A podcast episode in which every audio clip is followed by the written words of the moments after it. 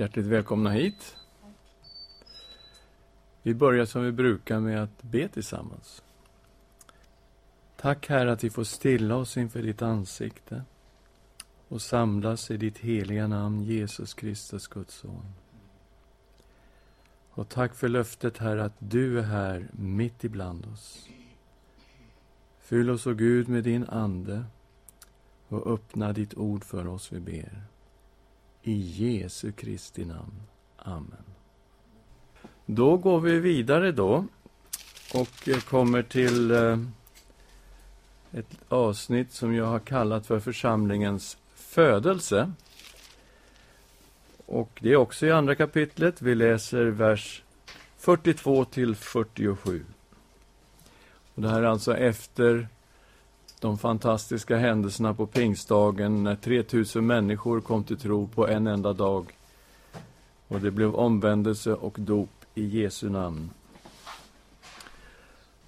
De höll troget fast vid apostlarnas lära och gemenskapen, vid brödsbrytelsen och bönerna.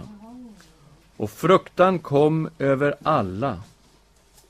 Och många under och tecken gjordes genom apostlarna. Alla troende var tillsammans och hade allting gemensamt. De sålde sina egendomar och allt vad de ägde och delade ut till alla efter vad var och en behövde. Varje dag var de endräktigt tillsammans i templet och i hemmen bröt de bröd och höll måltid med varandra i jublande innerlig glädje. De prisade Gud och var omtyckta av allt folket och Herren ökade var dag skaran med dem som blev frälsta. Ja, det här är alltså den kristna församlingens födelse. Och vi brukar kalla pingstdagen för församlingens födelsedag. Då föddes den kristna församlingen. Så som vi känner den idag. Och eh, detta med att anden är utgjuten över allt kött, över alla folk, alla människor, är ju något som har påverkat oss här uppe i Sverige. För det är nämligen så att vi också kan bli fyllda av den heliga Ande fast vi är väldigt långt ifrån den här situationen som var nere i Jerusalem. Så, den kristna församlingens födelse är det här allra första början. I vers 42 så talar man om församlingens fyra grundpelare. Det som fanns redan från början är också det som ska känneteckna varje kristen församling. De höll troget fast vid apostlarnas lära, är det första. Och apostlarnas lära, ja, då tänker man ju spikrakt på de fyra evangelierna, att de har berättat om Jesus, allt vad Jesus sade och gjorde överallt där han gick fram. Det blir ju kärnan, så att säga, i apostlarnas lära. Men när vi nu lyssnar till Petrus predikningar här till att börja med i Apostlagärningarna och sedan aposteln Paulus predikningar så förstår vi att det handlar ju om utläggning av gammaltestamentlig profetia där evangeliet är djupt begravt rakt in i Gamla testamentet. Och eh, går man sen vidare hur apostlarna utvecklade det här Ja, då är vi inne i Nya Testamentet och gräver i texterna. Så ska vi ta ett lite vidare grepp kring den första grundpelaren, apostlarnas lära. Ja, då hamnar vi i den heliga skrift, i Bibeln. Gamla och Nya Testamentet. Men kärnan, definitivt, det vi har i de fyra evangelierna. De höll fast vid gemenskapen, står det. Och eh, här ser vi ett prov på, i början, vilken syskongemenskap det handlar om. Den är väldigt långtgående och vi kommer titta lite mer intensivt på de verserna. Vilken nära syskongemenskap de hade i den första kristna församlingen. De höll fast vid brödsbrytelsen och det här syftar säkerligen på Herrens nattvard. Visst, de hade ju måltider. De åt tillsammans. Det var som, ja, det växte fram en kultur av agape-måltider där man hade liksom lite knytkalas för sig och delade tillsammans och åt tillsammans, men i, som en del av detta, fanns Herrens nattvard. Så redan här från början så firade de nattvarden och de gjorde det ofta och innerligt tillsammans. Och den fjärde grundpelaren, bönerna. Och här är det ju så att när vi läser Apostlagärningarna ser vi att de faktiskt höll tidebönerna i templet. Eh, så när vi säger bönerna så får vi nog titta lite på hur det faktiskt såg ut. Och de höll de tre bönetiderna i templet. De var där och bad i templet regelbundet. Och naturligtvis, när de samlades i hemmen så bad de ju också. Så det var mycket bön. Och det är något som ska känneteckna den kristna församlingen. Här har vi fyra grundpelare som vi som församling här i Husby måste se till att vi har levande hela tiden. Apostlarnas lära, gemenskapen, brödsbrytelsen och bönerna. Det är grundpelare för alla kristna församlingar, stora eller små. Evangeliet predikades ju, men det bekräftades genom tecken.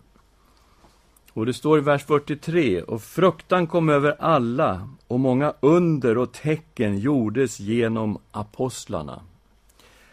Och det är ju något vi kommer att läsa om lite längre fram i Apostlagärningarna, vilka fantastiska under och tecken som skedde genom apostlarna. Som en frukt förstås av att den heliga Ande var utgjuten och att de nu var fyllda av Guds ande och det här var ju inte kraftgärningar de kunde göra själva. Det gjordes i Jesu namn och i den heliga Andes fullhet och kraft.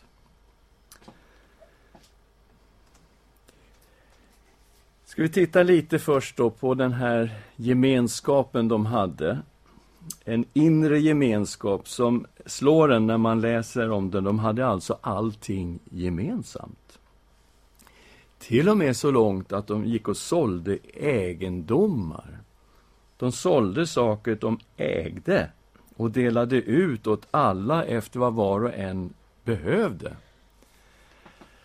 Så det fanns en sorts egendoms gemenskap i det här.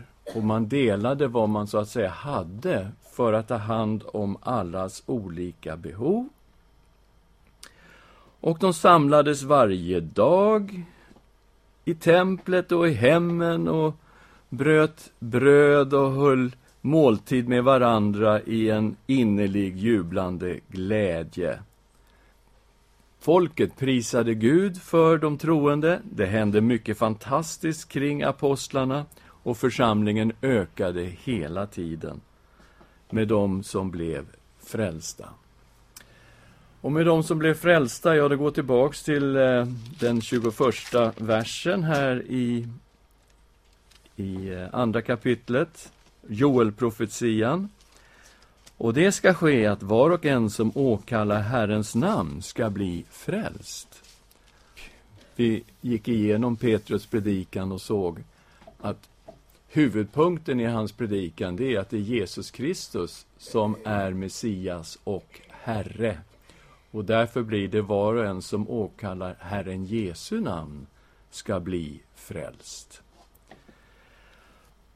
Hur ska vi se nu på den här inre gemenskapen, egendomsgemenskapen?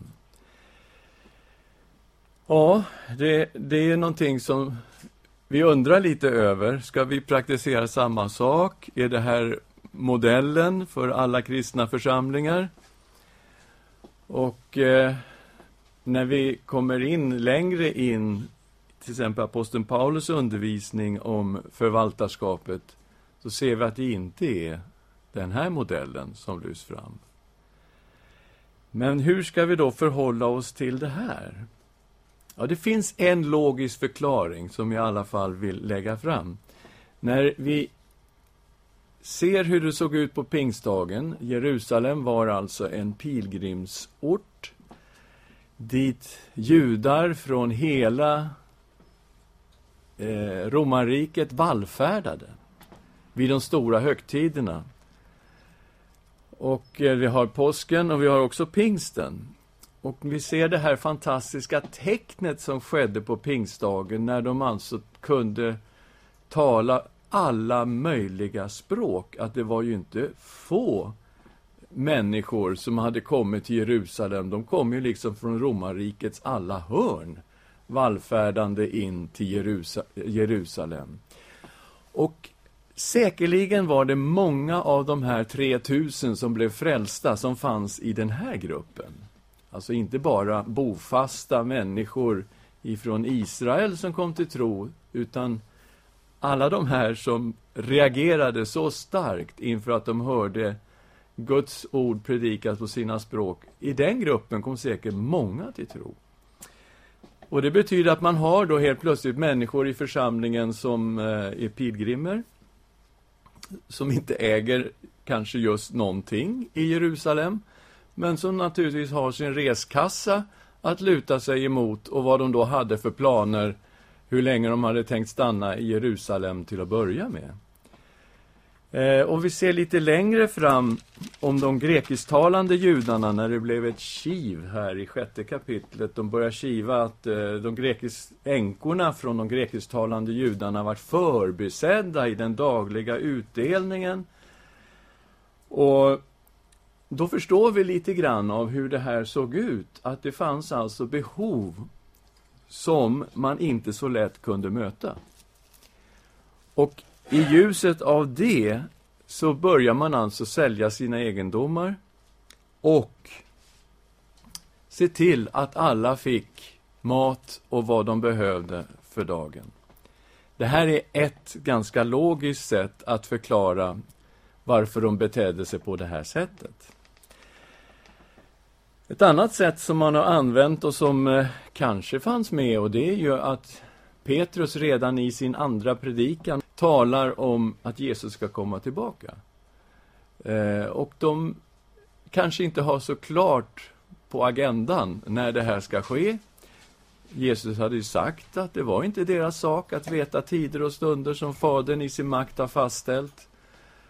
Det kan hända att de väntade hans återkomst ganska snart, men det är bara en spekulation, det vet vi inte. Att de kunde vänta den så snart, som bara efter typ inom ett år, det verkar ju också ganska farfetched.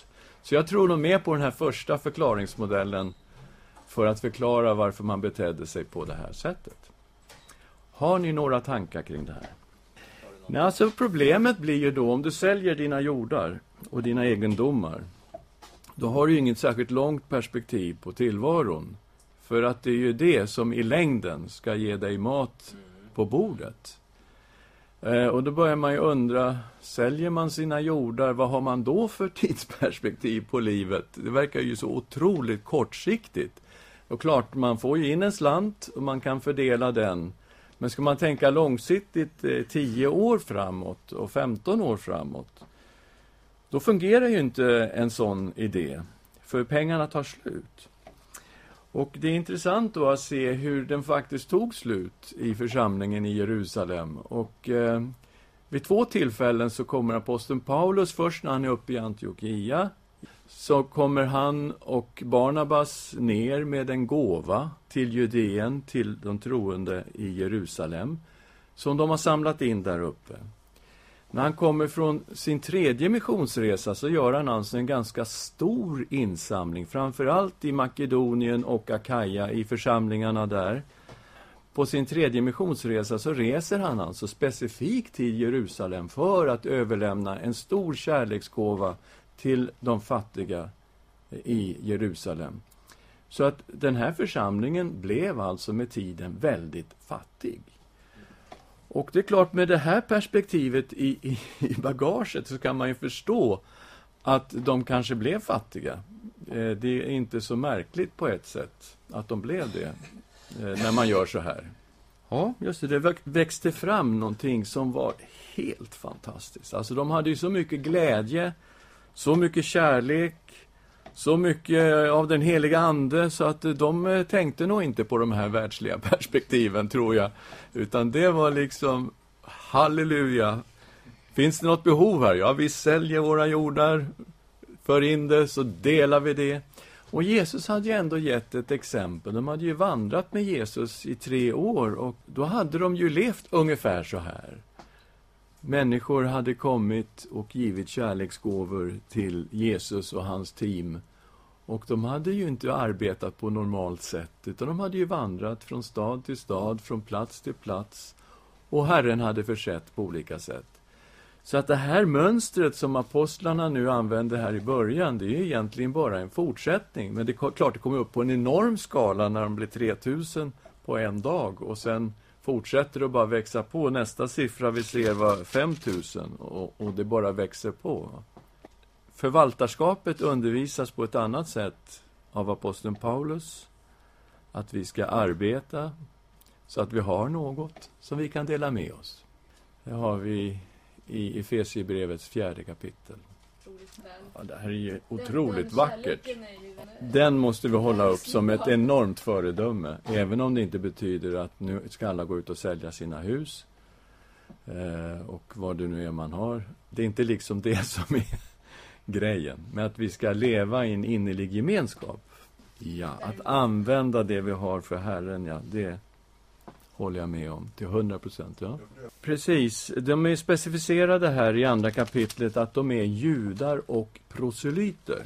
I elfte versen av andra kapitlet. Vi som är judar eller proselyter, kretenser eller araber. Och proselyter, det är sant att de var hedningar, men de hade konverterat till judendomen och var en del av judendomen. Så att det här, de som var där var judar eller proselyter, det är riktigt. Mm, det är nog riktigt. Och de samlades ju i hemmen och i templet. Och i templet fanns det ju ganska stora ytor i och för sig. Salomos pelargång möter vi här i tredje kapitlet. En, en gård där de tydligen kunde samlas och ha lite informella samlingar. Jesus talade ju i Salomos pelargång i Johannes eh, kapitel 10 eh, var han i Salomos pelargång och talade. Så att eh, mm, det fanns nog sådana ytor på något sätt. Men det är klart, en gudstjänst där i Salomos pelargång med 3000, det går nog knappt heller att få fungera egentligen. Ute i naturen, na, definitivt, beroende på väder och vind och vilken årstid man rör sig med. Och annars blir det uppdelat, som du säger, i hemmen, i mindre grupper. Mm. Ja, för någon husbykyrka hade de inte. Nej. Ska vi be tillsammans. Tack, Herre, för ditt ord, ditt levande ord. Vi ber, Herre, öppna våra ögon genom din Andes verk och ta oss rakt in i skrifterna. I Jesu namn. Amen.